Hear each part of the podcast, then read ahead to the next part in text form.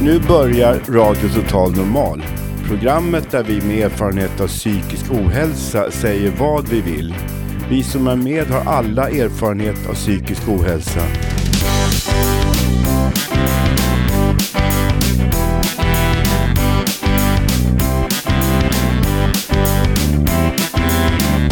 Du lyssnar på Radio Total Normal. 101,1. Totalt normalt.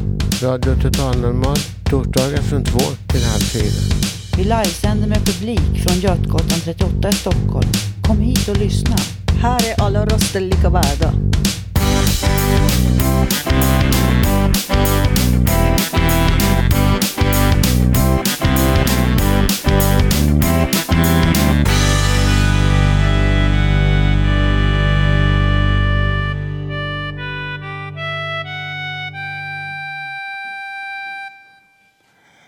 Hej! Varmt välkomna till dagens program. I dagens program har vi inslag som berör oss alla. Bland annat ska vi prata om detta, hur det är att bo ett gruppboende. Vi får besök av nervösa damer och så får vi höra livemusik. Vi sänder från Fontänhuset på Götgatan 38 mellan 14 och 15.30. Vi sänder även på FM 101,1 för er som inte har möjlighet att komma. Kom gärna upp till radiosändning och sitt med i publiken. Så varför vara ute och frysa i snö och kyla? Kom upp och värm er med en fika här. Jag som är programledare heter Håkan Eriksson. Nu kör vi igång!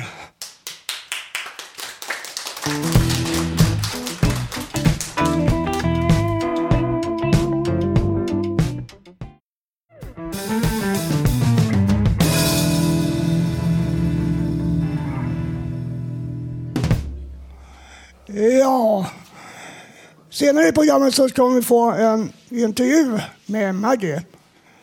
Margareta Aldrin har skrivit en tankeväckande bok om vad som händer när man går in i en psykos. Hon tog sig ur psykosen på egen hand utan mediciner och vill förmedla ett annat sätt att se på detta tillstånd. Boken heter Upptäckten och Margareta som har skrivit den sitter här nu. Och vi ska få höra en intervju med henne och det är Mr X som kommer att intervjua henne senare i programmet. Men först så ska vi höra Mats Jespersson läsa förorden till boken och här kommer det. Margareta Aldrin har skrivit en bok som är unik. Den skildrar i dagboksform hur hon själv steg för steg går in i det som psykiatriker kallar för en psykos och hur hon helt på egen hand tar sig ur den igen. Det finns redan tidigare en del böcker som har skrivits av människor som själva varit med om dessa märkliga psykiska tillstånd. Men dessa böcker har skrivits långt efteråt och vederbörande redan hunnit omtolka och omforma psykosen så att den inte längre framträder riktigt som den var en gång. Dessa tidigare författare har också det gemensamt att de alla har hamnat i psykiatrin. De psykotiska upplevelser som de skildrar har därför också starkt påverkats av deras upplevelser av psykiatrin och av psykofarmaka.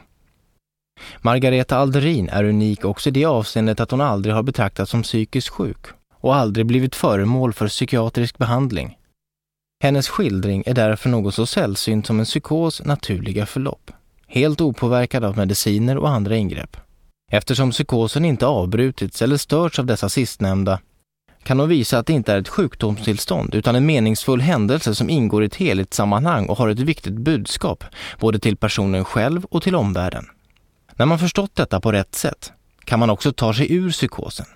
Margareta Alderin låter oss följa steg för steg hur en psykos utvecklar sig mitt bland vanliga vardagshändelser. Skildringen är fri från efterhandstolkningar och därför får vi här för första gången en möjlighet att leva oss in i och förstå vad det verkligen är fråga om. Sådana här extraordinära upplevelser är okända för de flesta av oss eftersom de undertrycks och förvrängs av psykiatriska och psykologiska teorier. Hos naturfolk är de däremot välkända eftersom det är exakt detsamma som till exempel det tillstånd shamaner försätts i. Margareta Alderin har kallat sin bok Upptäckten. Titeln kan förstås på olika sätt men hennes stora upptäckt är hur en människa kan träda in i ett annat medvetandetillstånd och inte minst hur hon kan komma ur det igen. Det som händer är att skapelsen bakom vardagsverkligheten plötsligt öppnar sig i sin helhet för henne på en gång. Medvetandet blir inte längre begränsat av tid och rum. Saker som är långt borta kan upplevas nära. Ögat får ett nytt seende som i en enda blick fullständigt klart ser hur allting hänger samman. Kroppen får en inre kontakt direkt med universum och hon får ett kosmiskt medvetande. Dessa upplevelser går egentligen inte att beskriva i ord.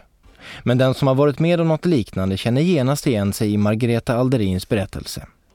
De som har läst hennes manus och själva fått sina motsvarande upplevelser stämplade som psykisk sjukdom har känt en oerhörd befrielse då de har känt igen och fått dem bekräftade i hennes. Åratal av nedstämdhet, självförnekande och splittring har plötsligt släppt då de äntligen har kunnat bejaka sina upplevelser som meningsfulla och verkliga. Margareta Alderins bok är därför viktig för alla de som har varit med om något liknande.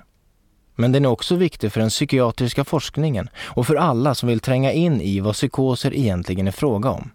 Undertecknat Mats Jespersson, ledamot av RSMHs förbundsstyrelse. Denna bok finns att låna på bibliotek.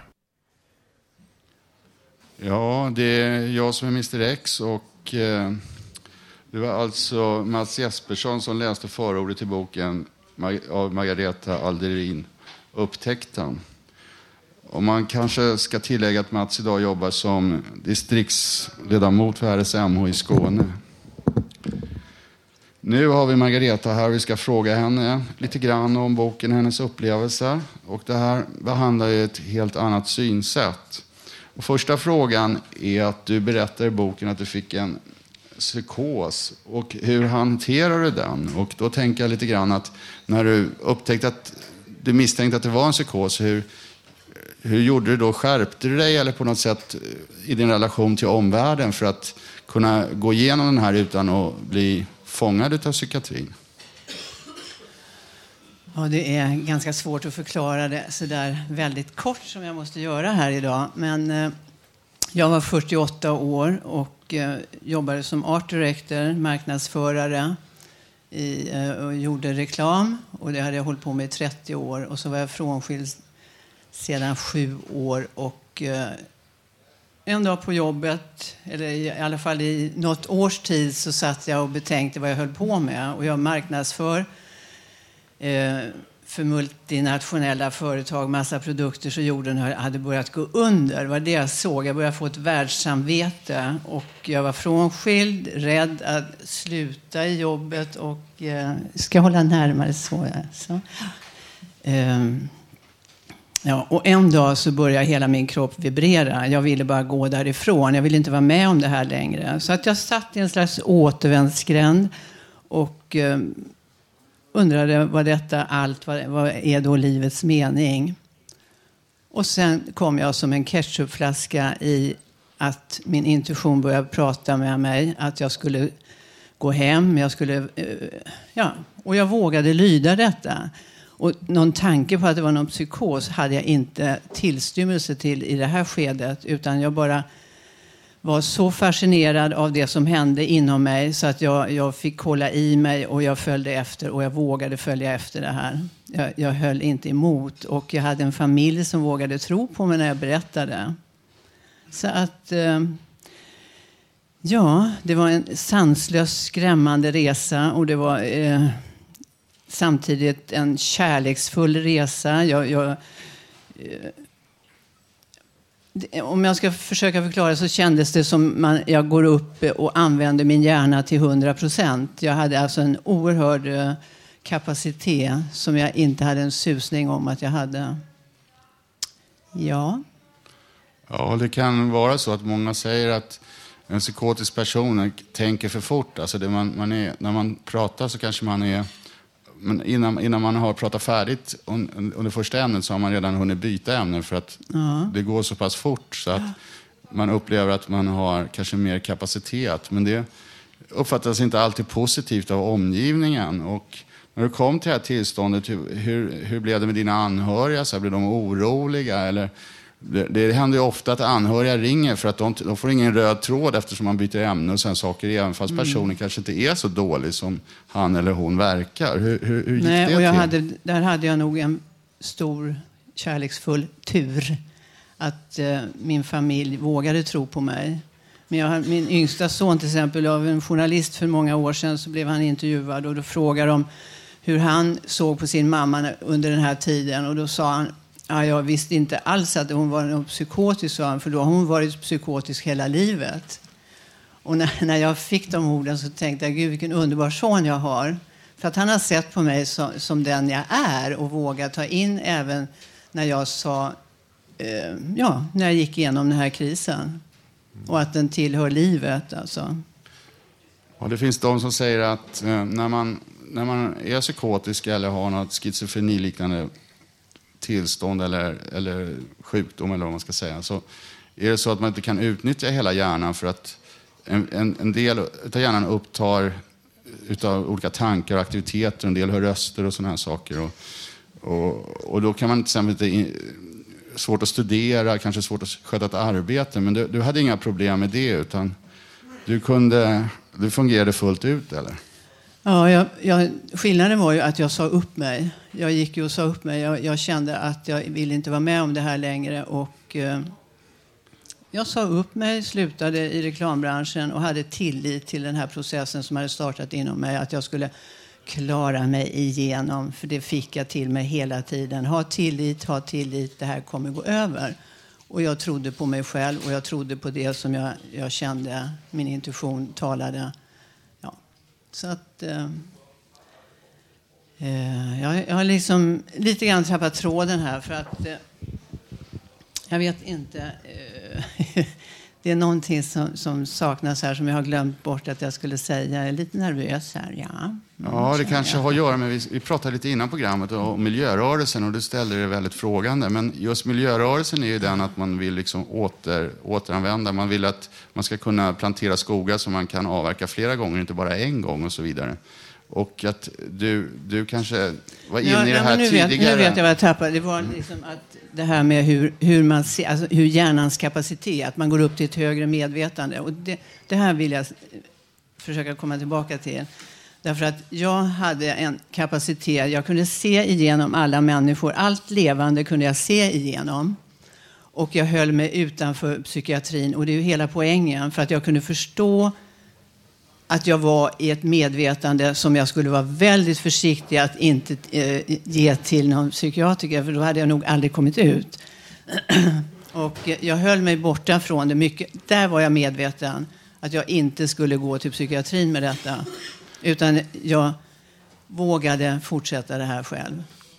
Ja, det verkar också att du har haft sån bra relation med dina anhöriga kanske gjorde också att de inte blev så oroliga. För att ibland när människor hamnar i ett tillstånd då är man väldigt rädd att, de, att personen ska ta livet av sig. Och så där. Men du hade hela tiden kontakt med alla så att de såg att du funkade och, ganska och, bra. Och, och, och det här som jag också kände att innan det här startade, då var jag sjuk och deprimerad och hade, hade kommit till min återvändsgränd. Men nu kände jag en slags inre befrielse av att det var en helande och läkande kraft som hade tagit tag i mig. Och att ha bara tillit så skulle jag komma igenom. Och det var jättestarkt inom mig. Och jag, jag sitter här nu, det är 17 år sedan det här hände. Och med facit i hand så vet jag att jag gjorde helt rätt. Ja. Vad hade du för... Men det här är min berättelse. Ja. Så jag, menar, jag sitter inte här och predikar att man inte ska ta mediciner eller att man inte ska gå till en psykiatriker. Man behöver hjälp, man behöver någon modig hand att hålla i när den här processen startar. Och eh, det kan drabba vem som helst.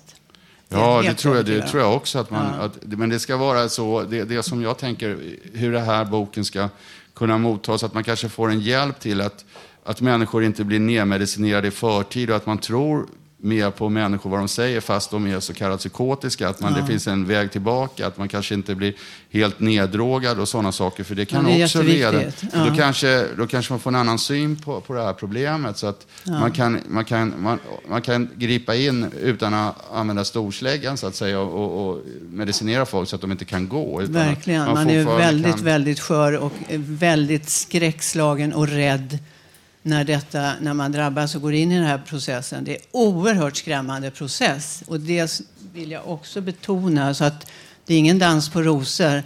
Att man, man pendlar mellan kärleksfull och mellan räds, total rädsla.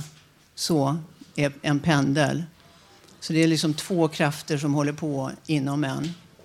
Jag måste ställa en sista fråga här. Tycker ja. du att du har kommit fram till en ny ideologi eller någon annan syn på, eh, på hur samhället ska organiseras eller människans roll och sådär? Ja, en ny psykiatri skulle jag önska. Och det är att, eh, precis som AA, människor med egen erfarenhet ska kunna bli rehabiliterare och eh, medhjälpare till människor när de kommer i den här processen. Så det arbetar jag faktiskt för idag och försöker med ljus och lykta hitta forskare som vågar göra pilotprojekt på så enkla grunder som det kan vara att bygga upp ett sånt. Ja.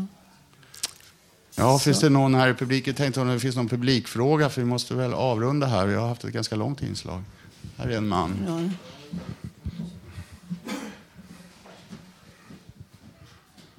Ja. Du var ju 47, så säger du, när du råkade ut för det här. Men en vanlig kille som mig, som har mer standard, standardgång i, i, i, i såna karriären inom psykiatrin, så kallade. Jag menar, jag var ju alltid sjuk. Det, för det första jag mindes var att jag var annorlunda. Det, är nästan, det kanske låter lite ruggigt, men det är tyvärr så. Och sen så blev man då sjuk i 20-årsåldern. Du verkar berätta om en, om, om en tillstånd som nog är mer normalt för en vanlig människa som råkar ut Jag tror inte att vi riktigt ändå stöpta samma form. För att annars hade du nog aldrig kommit så långt att du hade haft en barn och någon familj eller något sånt. Alltså. Det är nästan oftast, det kanske låter, att, jag, du, du kanske tycker att jag är taskig mot dig, men du, du måste ändå vara på någon sorts lyxvagn. Ha det bra. Jag tycker inte alls att du är taskig och det är helt rätt det du säger. För att jag hade ju ett livserfarenhet. Jag var 48 år och arbetat i 30 år med min intuition. Jag fick guldpengar för att jag använde min intuition. Så det är en stor skillnad på en 20-åring, en liten 14-åring som kommer i ett uppvaknande. Men vad jag vill sprida det är till, kunskap till psykiatrin, till de som har hand om 14-åringen när den kommer. Att vara kärleksfull. Det, det är det man ska.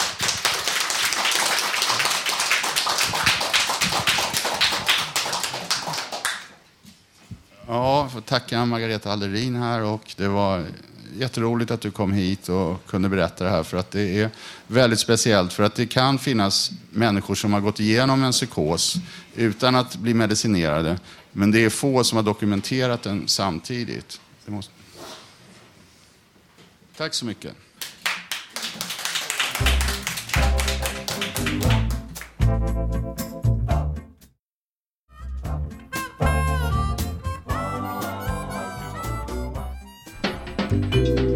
Poesi i Radio Total Normal. Ja, välkomna tillbaka till Radio Total Normal. Nu kommer Agneta Källström läsa två dikter för oss. Varsågod. Tack. Befrielsen. Näktergalen smattrar i en smäcker lind mot en himmel stålblå som ögonen dina. I daggdroppen på nyponrosens rodnande kind där hänger den i sin sköra lina. Där speglar sig månens tunna skära. Kom, håll min hand i soluppgången. Kom, var mig nära.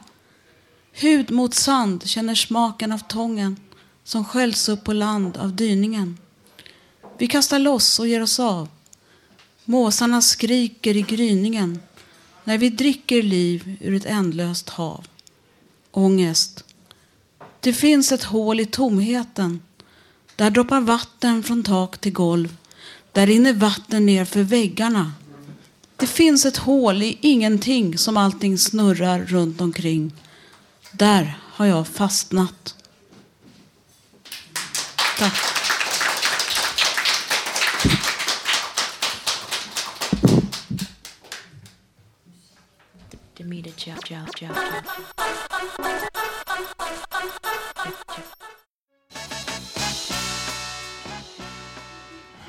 Ja, nu lyssnare så har vi fått besök av en gitarrist som ofta är här på Radio Total Normal och spelar för oss. Så jag lämnar ordet, musikordet till Tommy. Eh, dragspel, dragspelskungen Karl Julabo han föddes 1883 i Polkärna i Säter i södra Dalarna. Han döptes till Karl Karlsson men han tog namnet Julabo efter byn bredvid. Båda hans föräldrar tillhörde resandefolket. Han började spela dragspel tidigt och redan som fem, femåring spelade, skrev han sin första låt, min första komposition. Han började turnera i folkparkerna där han spelade till dans. Och där var det också ofta dragspelstävlingar där han vann eh, över 150 stycken. Han kunde inte noter så han måste lära sig alla låtarna utan till. Själv skrev han ett 70-tal kompositioner och han spelade in över 1 500 låtar och han håller fortfarande rekordet på inspelade låtar i Norden. Några av hans kompositioner är mm, Avesta Forsens brus, Flickan från Finnskogarna, Nya Värmlandsvalsen och Jula Boschottis. Ja, jag kan inte spela dragspel så jag ska spela tre korta exempel på gitarren. Jag ska börja med en av hans tidigare kompositioner, Gammal Dalavals.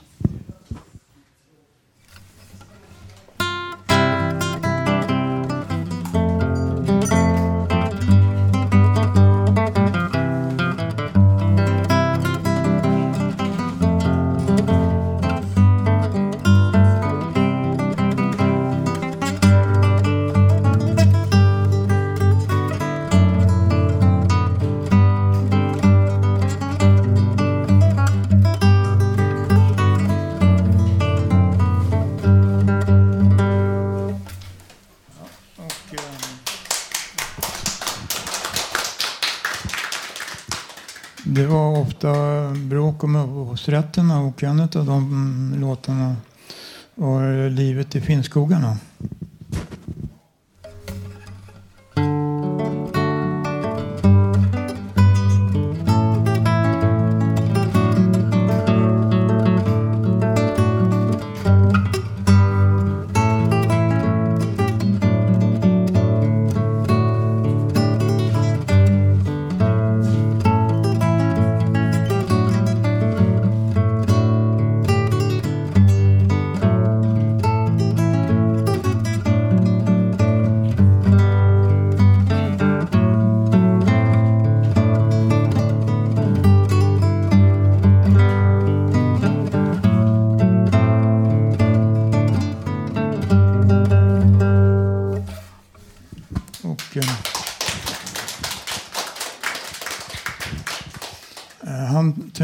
Också ofta i Norge där han träffade en flicka som hette Elin. Och till Elin skrev han eh, Drömmen om Elin.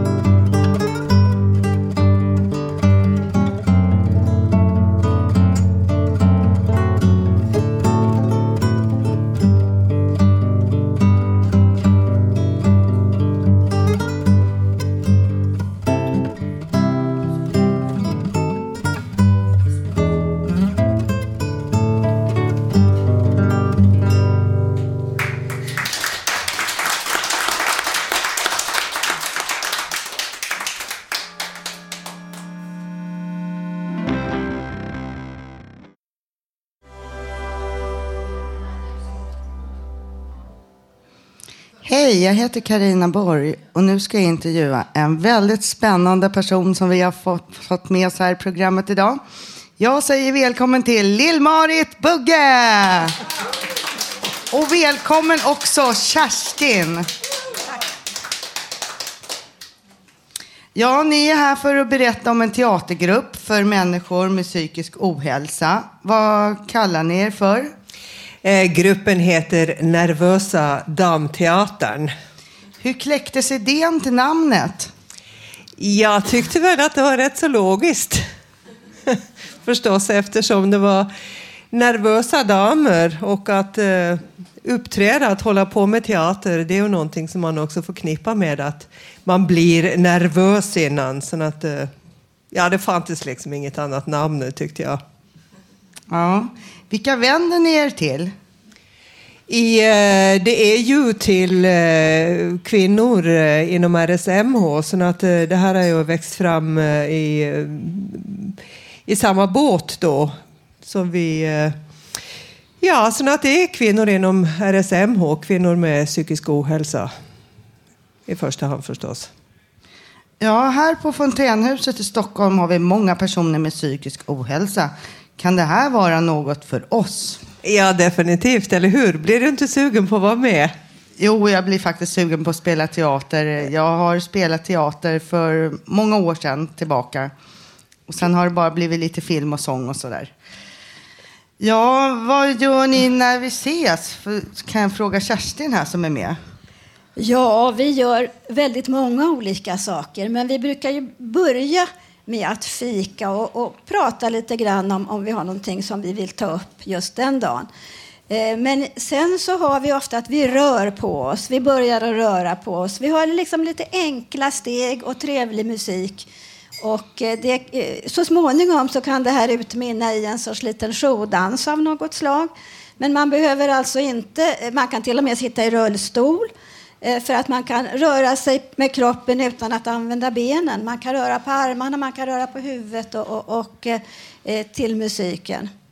Eh, sen har vi lite olika från gång till gång. Det är aldrig samma från gång till gång. Men på våren så brukar vi ha lite mer ska vi säga, övningar av olika slag. Och på hösten så koncentrerar vi oss mer på att vi ska ha en julkabaré, vilket vi brukar ha varje år. Så att eh, det är inte så mycket föreställningar och den typen eh, som vi håller på med, utan vi, vi roar oss och har hjärtligt roligt. faktiskt. Vi skriver våra egna texter. Eh, och eh, ja, det, det mesta vi gör alltså är, gör vi själva. Och då vi skriver så kan vi göra det, kanske vi får en tio minuter, en kvart på oss och så skriver vi ihop om, om något ämne. Och sen tar Lill-Marit hem det här och så tar hon en rad och en rad här och en rad där. Och det blir jättebra faktiskt. Det brukar bli riktigt roligt också. Och eh, ett motto som vi nu har i den här gruppen det är att varför ska vi skratta åt andra när vi kan skratta åt oss själva? ja. ja, hur kom det sig nu då att du började på Nervösa Damteatern? Jo, det var så här att vi eh, startade en grupp inom eh, Stockholms läns RSMH som var bara för kvinnor, därför att alla kvinnor inom de olika föreningarna eh, tyckte att det inte alltid de ville gå på sina, sina ja, lokala möten därför att det fanns ju ja, en del trakasserier av olika slag som, som man ville undvika. Och då så startade vi en grupp för bara för kvinnor inom hela Stockholms län där vi gjorde en massa roliga saker. Vi träffades, jag tror att det var ungefär var 14 dag i en träfflokal på Söder. Och eh, där hade vi väldigt mycket trevliga saker. Ja, från målning till skrattgrupper till, till eh, vi hade en präst som kom och talade om kvinnor i Bibeln. Och, och, och det var väldigt mycket olika ämnen. Eh, och i sammanhang med det så hade vi också, eh, jag och en, tjej till, lite eh, grupper inom ABF.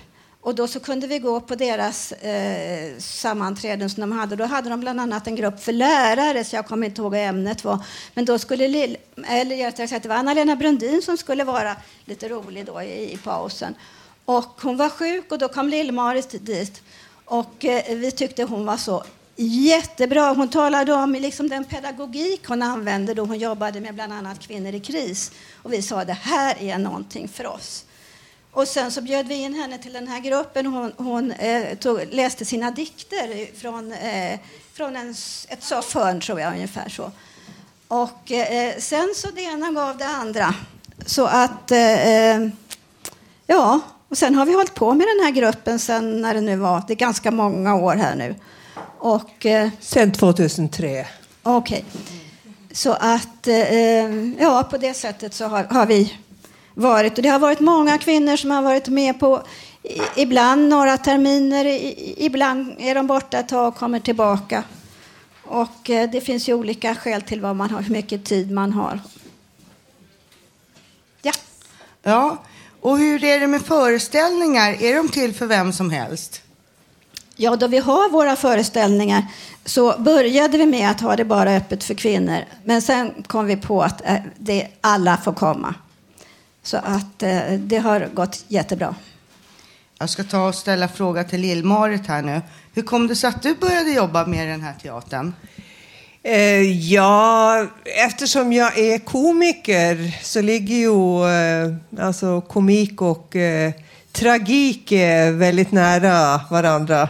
Och då finns det ju ingenting som är så roligt som eh, depressioner och annat elände förstås. Så att det är ju bara att gräva där du står helt enkelt. Och, eh, så eh, ja, jag utbildade mig till dramapedagog på 70-talet och då jag 95 fick möjligheter att börja jobba med kvinnor i kris så fastnade jag totalt för att det var, det var så väldigt roligt. Att eh, ha tillgång till eh, smärta på något sätt. Ja. Mm. I hur många år har du jobbat med det här med just med nervösa besvär i, ner, i eh, Nervösa damteatern då? då? Ja, sen 1995. Eh, Först arbetade jag i några år i Norge på den specialskola bland annat för eh, kvinnor i kris, kvinnor som var mellan 19 och eh, ja, upp till pensionsålder. Och bildade en teatergrupp där bland annat som heter Kristiansand eh, Dameteater. Och sen så har jag jobbat mycket på behandlingshem för kvinnor som har haft eh, både ja, drogproblem och alkoholproblem. Och, så ja, sen 95 har jag jobbat med det. Mm. Varför gillar du att jobba med teater? Eh, för att det finns ju på något sätt inget eh, roligare sätt att eh, uttrycka sig. Eller, det är också ett perfekt sätt att ha möjligheter till att eh, gömma sig att dölja sig eftersom man, eh, det som teater går ut på det är ju att på något sätt spela roller eller låtsas vara någon annan eller göra sig till. Inom teater så är det tillåtet att göra bort sig. Alltså man... det, stämmer ju inte riktigt för att man visar sig offentligt som på en scen på teater. Så det kan ju inte stämma helt att man gömmer sig utan man visar sig ju egentligen. Det är det man gör. Precis. Men man kan välja. Man gömmer sig på något sätt in i... ja. Mm. Man kan gömma sig inom sig själv eh, på något sätt. Det är så som jag brukar säga, det är det som är tillåtet med teater och det är det som är så möjligt, roligt med teater också. Mm. Att få lov till att göra det. Men varför tror du att teater är bra om man just har psykisk ohälsa? För att man har möjligheter till att ställa sig lite utanför sig själv och titta på sig själv. Och, eh, jobba med hur man mår. Skulle du rekommendera folk som inte har sysslat med teater förut att prova? Ja, det, inom teater så behöver man inte ha någon erfarenhet alls överhuvudtaget, utan erfarenhet har man ju av livet på något sätt. Det är att umgås, att kommunicera, att prata med folk, att eh, som barn lekte man ju, alltså teater är lite samma sak fast nu är man vuxen så man tar itu med leken igen. Jag ska fråga Kerstin nu, varför tror du att teater är bra om man har psykisk ohälsa? Alltså, jag tror att teater är bra för alla. Och eh, vi är ju hela personer så att man har ju inte bara psykisk ohälsa utan, utan man har ju vad som kallas för så kallat att man har frisk, en frisk sida också, eller flera. Och, eh, eh, så att på det sättet så är det ingen skillnad mellan folk som har psykisk ohälsa och andra. Vad skulle du säga till de som är intresserade av att prova? Ja, jag tycker det alla är, är, är, åtminstone alla kvinnor då, är hjärtligt välkomna att prova och se vad vi gör därför att vi har väldigt, väldigt roligt och eh, vad jag förstår så alla som har varit, alltså varje gång man är där så går man därifrån med ett leende på läpparna och känner sig lättad. Det är, det är roligt att få vara, det, på sätt och vis kan man ju säga att man är som barn på nytt men, men eh, på en annan nivå. Och man kan ta fram olika delar av sig själv som man vill just för tillfället. Jag ska fortsätta med frågor till Lill-Marit här, avslutande. För folk som är intresserade av er grupp nu då, hur ofta ses ni och när? Under våren så kommer vi att träffas eh, varje tisdag klockan 16.30 i Sjövillan på Danderyds sjukhus. Jaha, det är där ni håller till i Precis. eh, Danderyd. Är det Precis. svårt att hitta dit? Eh, ja, vad ska man säga? Alltså Sjövillan ligger vid helikopterplattformen så det ligger ju bakom sjukhuset nere vid sjön. Men det finns väl skyltar och, och sådär. Ja. Vad kostar det? Är det självkostnadspris?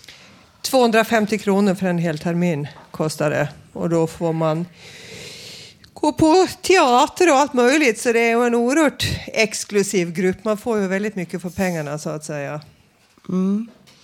Och hur, hur kan man komma i kontakt med er? Eh, går ni ut med er själva så att eh, de som är intresserade kan ta kontakt med er? Man kan väl i första hand bara komma till eh, Danderyds sjukhus. Det är bara att droppa in dit om man är kvinna då. Och så tänkte jag fråga en slutfråga här nu. Skulle ni kunna ta blandade grupper om eh, någon inom Fontänhuset är intresserad, både kvinnor och män eller till exempel ungdomsgrupper? I eh, vanliga fall så jobbar ju jag med, Någon både- annanstans? precis, med både kvinnor och män och eh, även ungdomar. Jag har ju lång erfarenhet av det förstås. Ja. Ja, ett stort tack till Lill-Marit Bugge och Kerstin från Nervösa Damteatern för att ni kom till Radio Total Normal! Wow!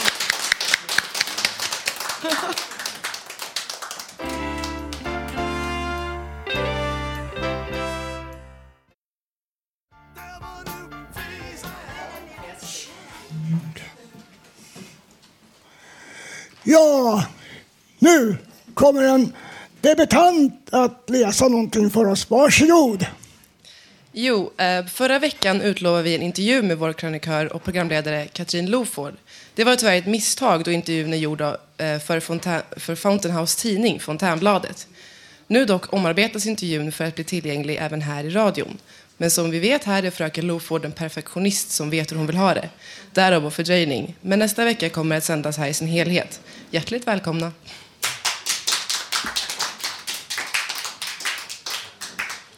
Ah, hej, jag heter Gabriel och den här låten ni kommer föra nu. eh, jag vet inte hur jag ska säga det här men eh, det började med att jag hade somnat under Eiffeltornet och eh, sen kom jag hem till slut och så blev det jul och sommaren gick och eh, jag minns inte exakt vad som hände men eh, ja, den heter Anver och är en eh, tunnelbanestation och det är instrumental därifrån.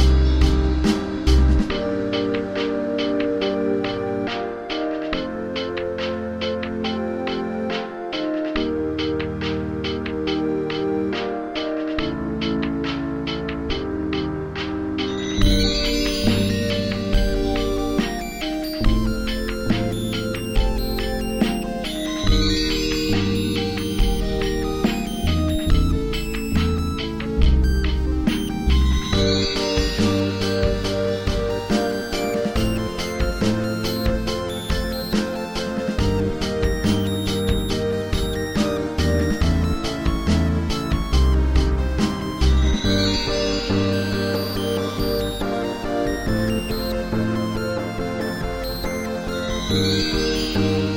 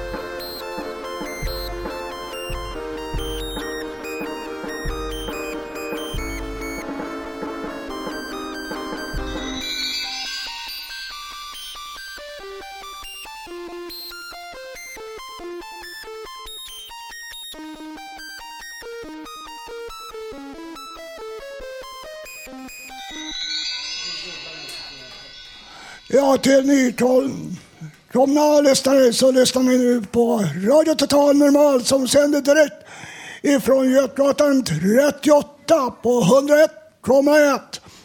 Nu så ska vi höra Robert Növestam läsa en text för oss. Varsågod. Ja, hejsan. Det här är Radio Total Normal och det är nu 2011 i januari. Och jag ska läsa en liten text här. Rycker än din arm, du dåre. Var är din roll i livet, du lille man? Var leder dina drömmar? När du stod där i början av ditt liv, du ville älska livet. Du stod där, du undrade, kunde du göra någon skillnad? Kunde du göra någon skillnad? Visst, jag var själv en liten, klen, rädd, klumpig liten pojke. Jag förstod inte vad mina levnadsdagar skulle leda. Jag minns att jag var rädd. Jag var rädd. Jag var ju så annorlunda. Inte så bra på att spela boll. Inte så bra på, på sådant som andra grabbar var. Jag var ingen jätte i gymnastik. Jag var inte vinna vinnare i tyska. Ändå tänker jag själv, var slutar min kamp? Var leder den? Vad leder vad? Var leder vad?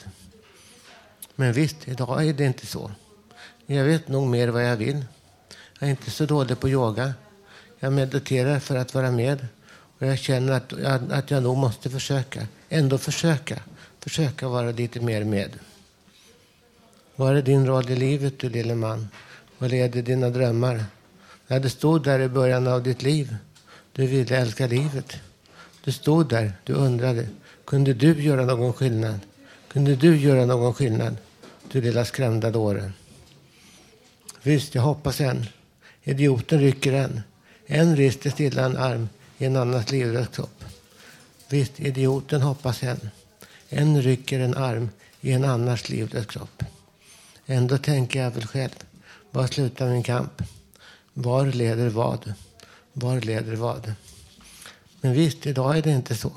Jag vet nog lite mer vad jag vill. Jag är inte så dålig på yoga. Jag mediterar för att vara med. Och jag känner att, att jag nog ändå måste försöka. Åtminstone försöka. Försöka lite vara med. Jag lever än, hurra. Jag lever än, även om ni sa det, han är en dåre. Vad är din roll i livet, du lille man? Vad leder dina drömmar? När du stod där i början av ditt liv. Du ville älska livet. Du stod där, du undrade. Kunde du göra någon skillnad? Kunde just du göra någon skillnad? Jag lever än, hurra, jag lever än. Även om ni sa det, han är en dåre. Nu vet jag att jag, jag kan åtminstone lite göra någon skillnad. Tack.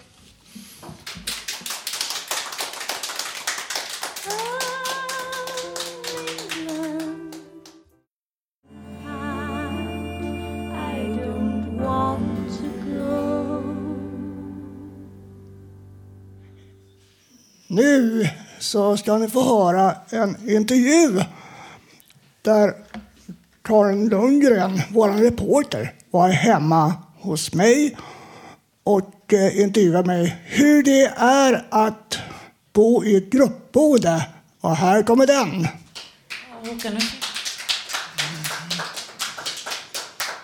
Ja, Håkan, nu sitter vi hemma hos dig i din lägenhet i gruppboendet. Eh, Hur känns det att bo här? Jag trivs bra här. Jag har bott eh, eh, sju månader just nu. Och fin personal och allting. Även den fasta personalen och även de som jobbar som vikarie har en bra kontakt med. Eh, Du bodde förut i en tvårummare i Solna. Ja. Vad blev det ensamt där, eller varför ville du flytta därifrån? Ja, det var ensamt också. Så att, hade väl sådana tankar också att vad skulle hända om jag skulle bara tuppa av eller någonting. Om jag skulle bara ligga där och ingen visste ett dugg om det. Här, skulle det hända någonting här så är det alltid någon som kommer in och kollar vad som händer.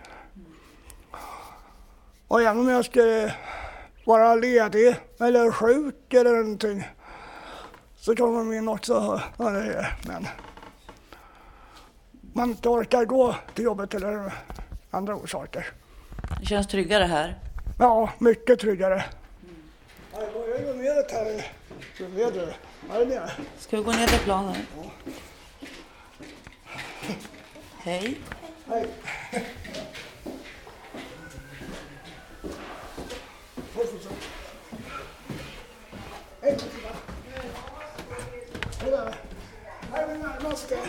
Ja. Hej. Som jag pratade om som var 19 år.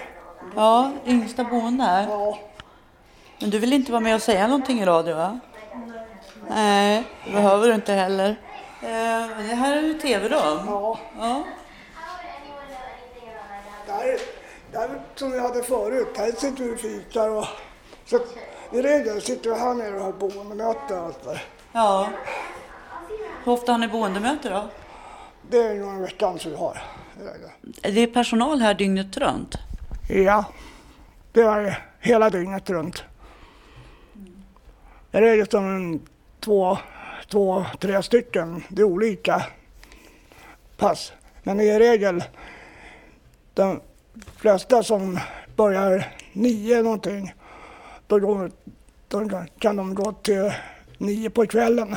Eller också kommer elva och gå till 21 och 15 någonting. Så att när de går så gör de en kontroll vad som har hänt, om det är någon som är sjuk eller någon liknande. Vad får du hjälp med då? Det är allt med möjligt. Det kan vara med tvätt, det kan vara hjälp med städning och disk och allt möjligt. Och, alltså, om jag behöver handla någonting så kan följa med och handla också om jag känner så. Eh, lagar du din egen mat eller lagar du mat här? Jag lagar min ma- egen mat. Och så har vi basmiddag två dagar i veckan. Vad är basmiddag? Då äter vi, då är det personalen som gör ordning mat och så äter vi tillsammans. Ja, det bor fyra personer till här.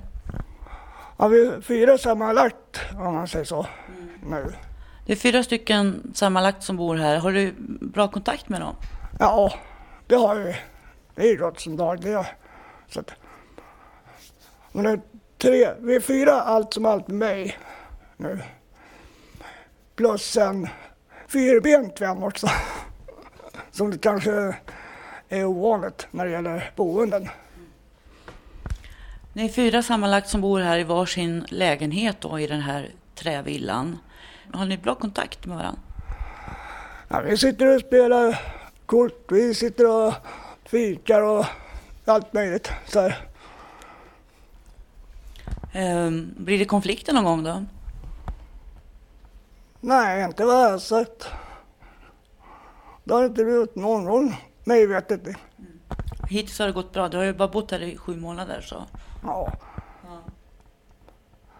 Men jag har märkt att de ja, känner trygghet på något sätt. I och med att jag är äldst utav oss här. Ska vi se hur mysigt här. Ja. Alltså, ja. Ja. Så, så. Det. Ja, i kök kan jag också. Oj då. Självlysande trappor.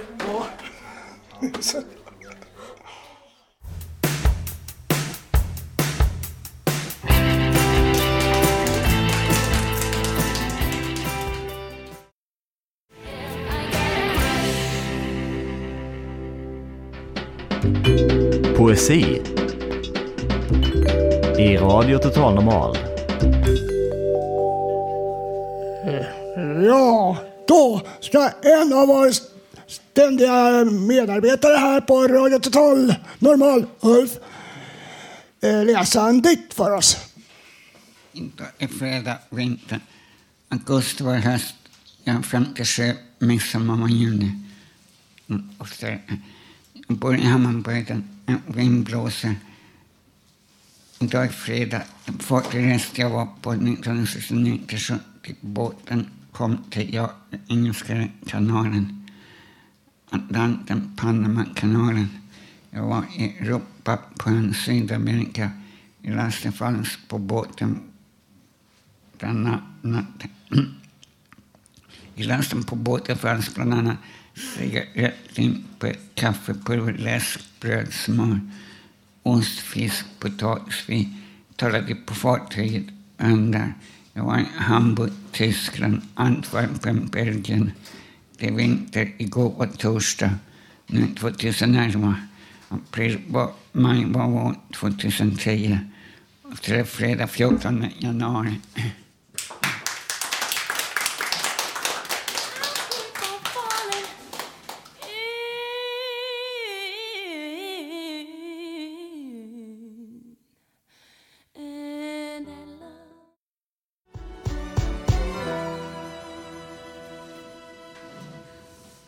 Hej igen! Jag heter Karina Borg och jag ska tala lite om Fontänhuset i Sköndal, beläget i en stor villa utanför Stockholm, om deras verksamhet.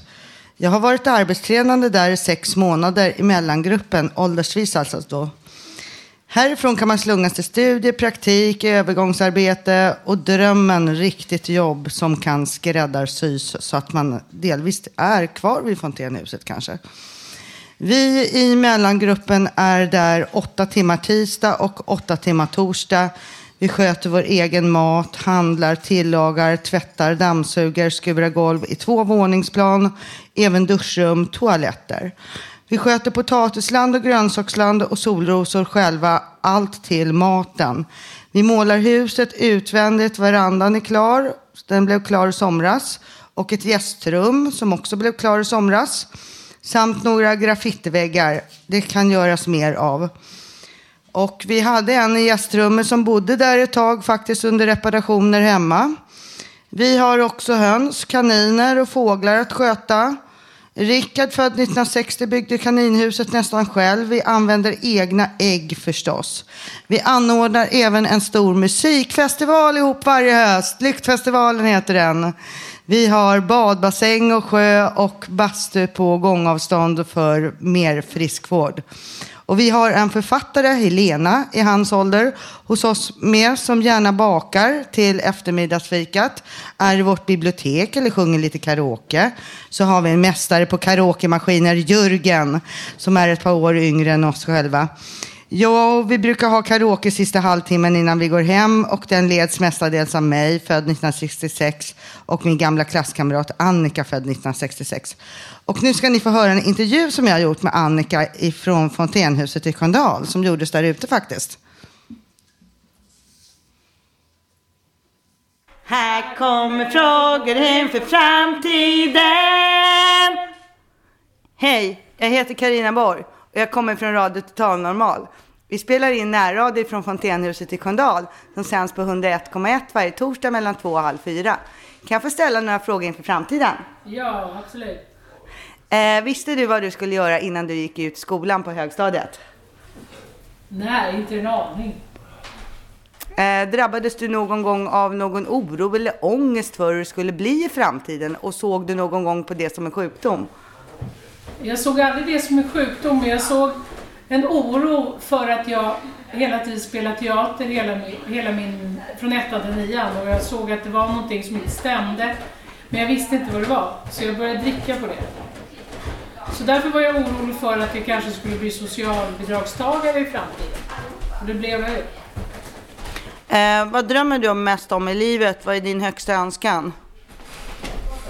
Det är det som händer just nu. Jag kanske ska få börja jobba på Brommadialogen. Med eh, lönebidrag. Och eh, att jag får jobba där som event... Eh, ja, när det händer en massa saker och jag tar emot människor och ja, visar dem vägen dit de ska och sådär. Och det är skola. Så, och- och det, jag är också pastor så att man kan använda sig av den utbildningen plus att vara eventvärd när det händer någonting. Och jag liksom står och kokar, jag kokar kaffe, jag pratar med folk och jag visar vad de ska. Ja. Men kan du säga på rak arm hur många år du har jobbat sammanlagt ungefär? Nej, inte som jag vet rakt upp i huvudet sådär. Men du har jobbat lite i alla fall? Ja, en hel del. Du har mest jobbat. Från 14 års ålder till 2000, ja till nu. Det var bara ett år sedan jag jobbade. Ja. Vad drömmer du mest om? Vad är din högsta önskan? Ja, att möta Jesus på gatan, att han helar mig. ja. Eh, Tycker inte du att det är skönt att få drömma lite? Det tycker jag. Man kan ju drömma om framtiden och försöka ta tag i sina drömmar. Absolut. Eh, har du hört den här? Eh, den friske kan önska sig tusen saker, men den sjuka önskar sig enbart en sak och det är att bli frisk. Ja, just det. Men jag tror att den där friska kärnan finns i varje människa och jag tror det handlar bara om att bejaka den. Jag tror det där sjuka, det kanske alltid kommer att finnas där och det handlar om vilken man vill bejaka. Om man bryr sig om det sjuka mer än det friska. För alla har det friska inom sig. Mm. Men vet du att det här med att må bra, det stämmer in på många från Fontänhuset och Radio Total Normal med att det kämpar med att göra normala saker vid sidan om oro. Mm, precis. Det är det som är så bra med Fontänhuset.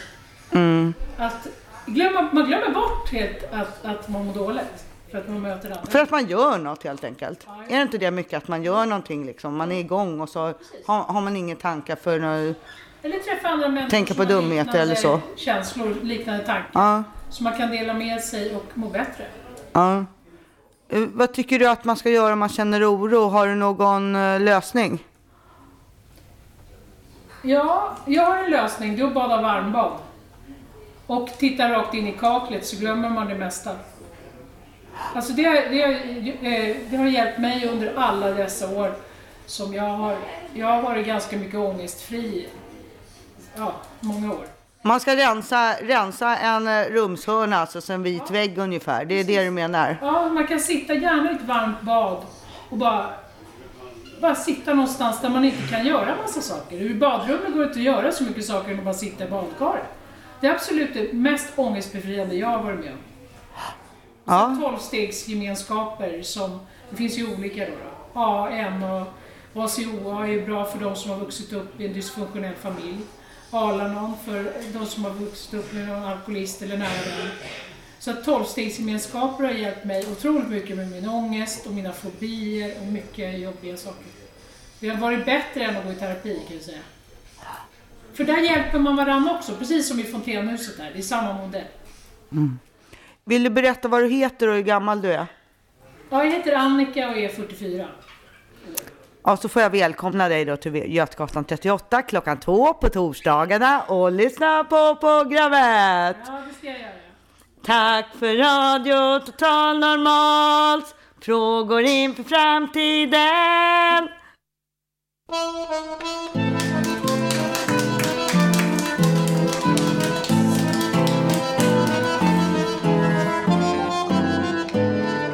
Radio Total Normal. Sänder över hela galaxen.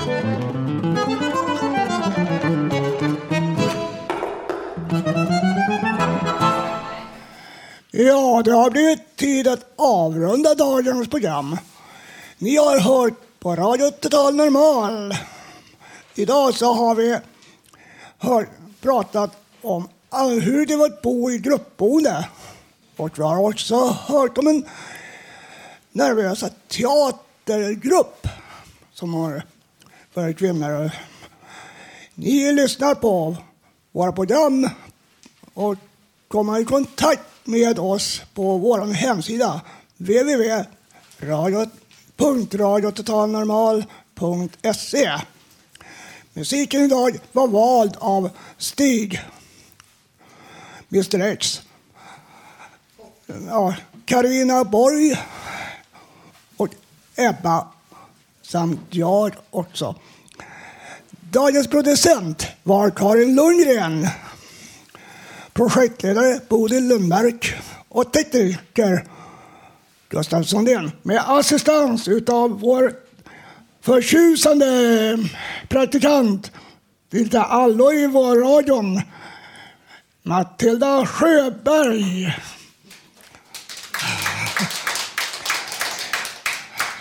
Ni hör oss på nytt nästa torsdag, så tills dess blir mitt slutord. Alla behöver vi kärlek, både äldre och unga, så ta hand om varandra. Och jag som har varit programledare heter Håkan Eriksson. Tack för att ni lyssnat på återhörande.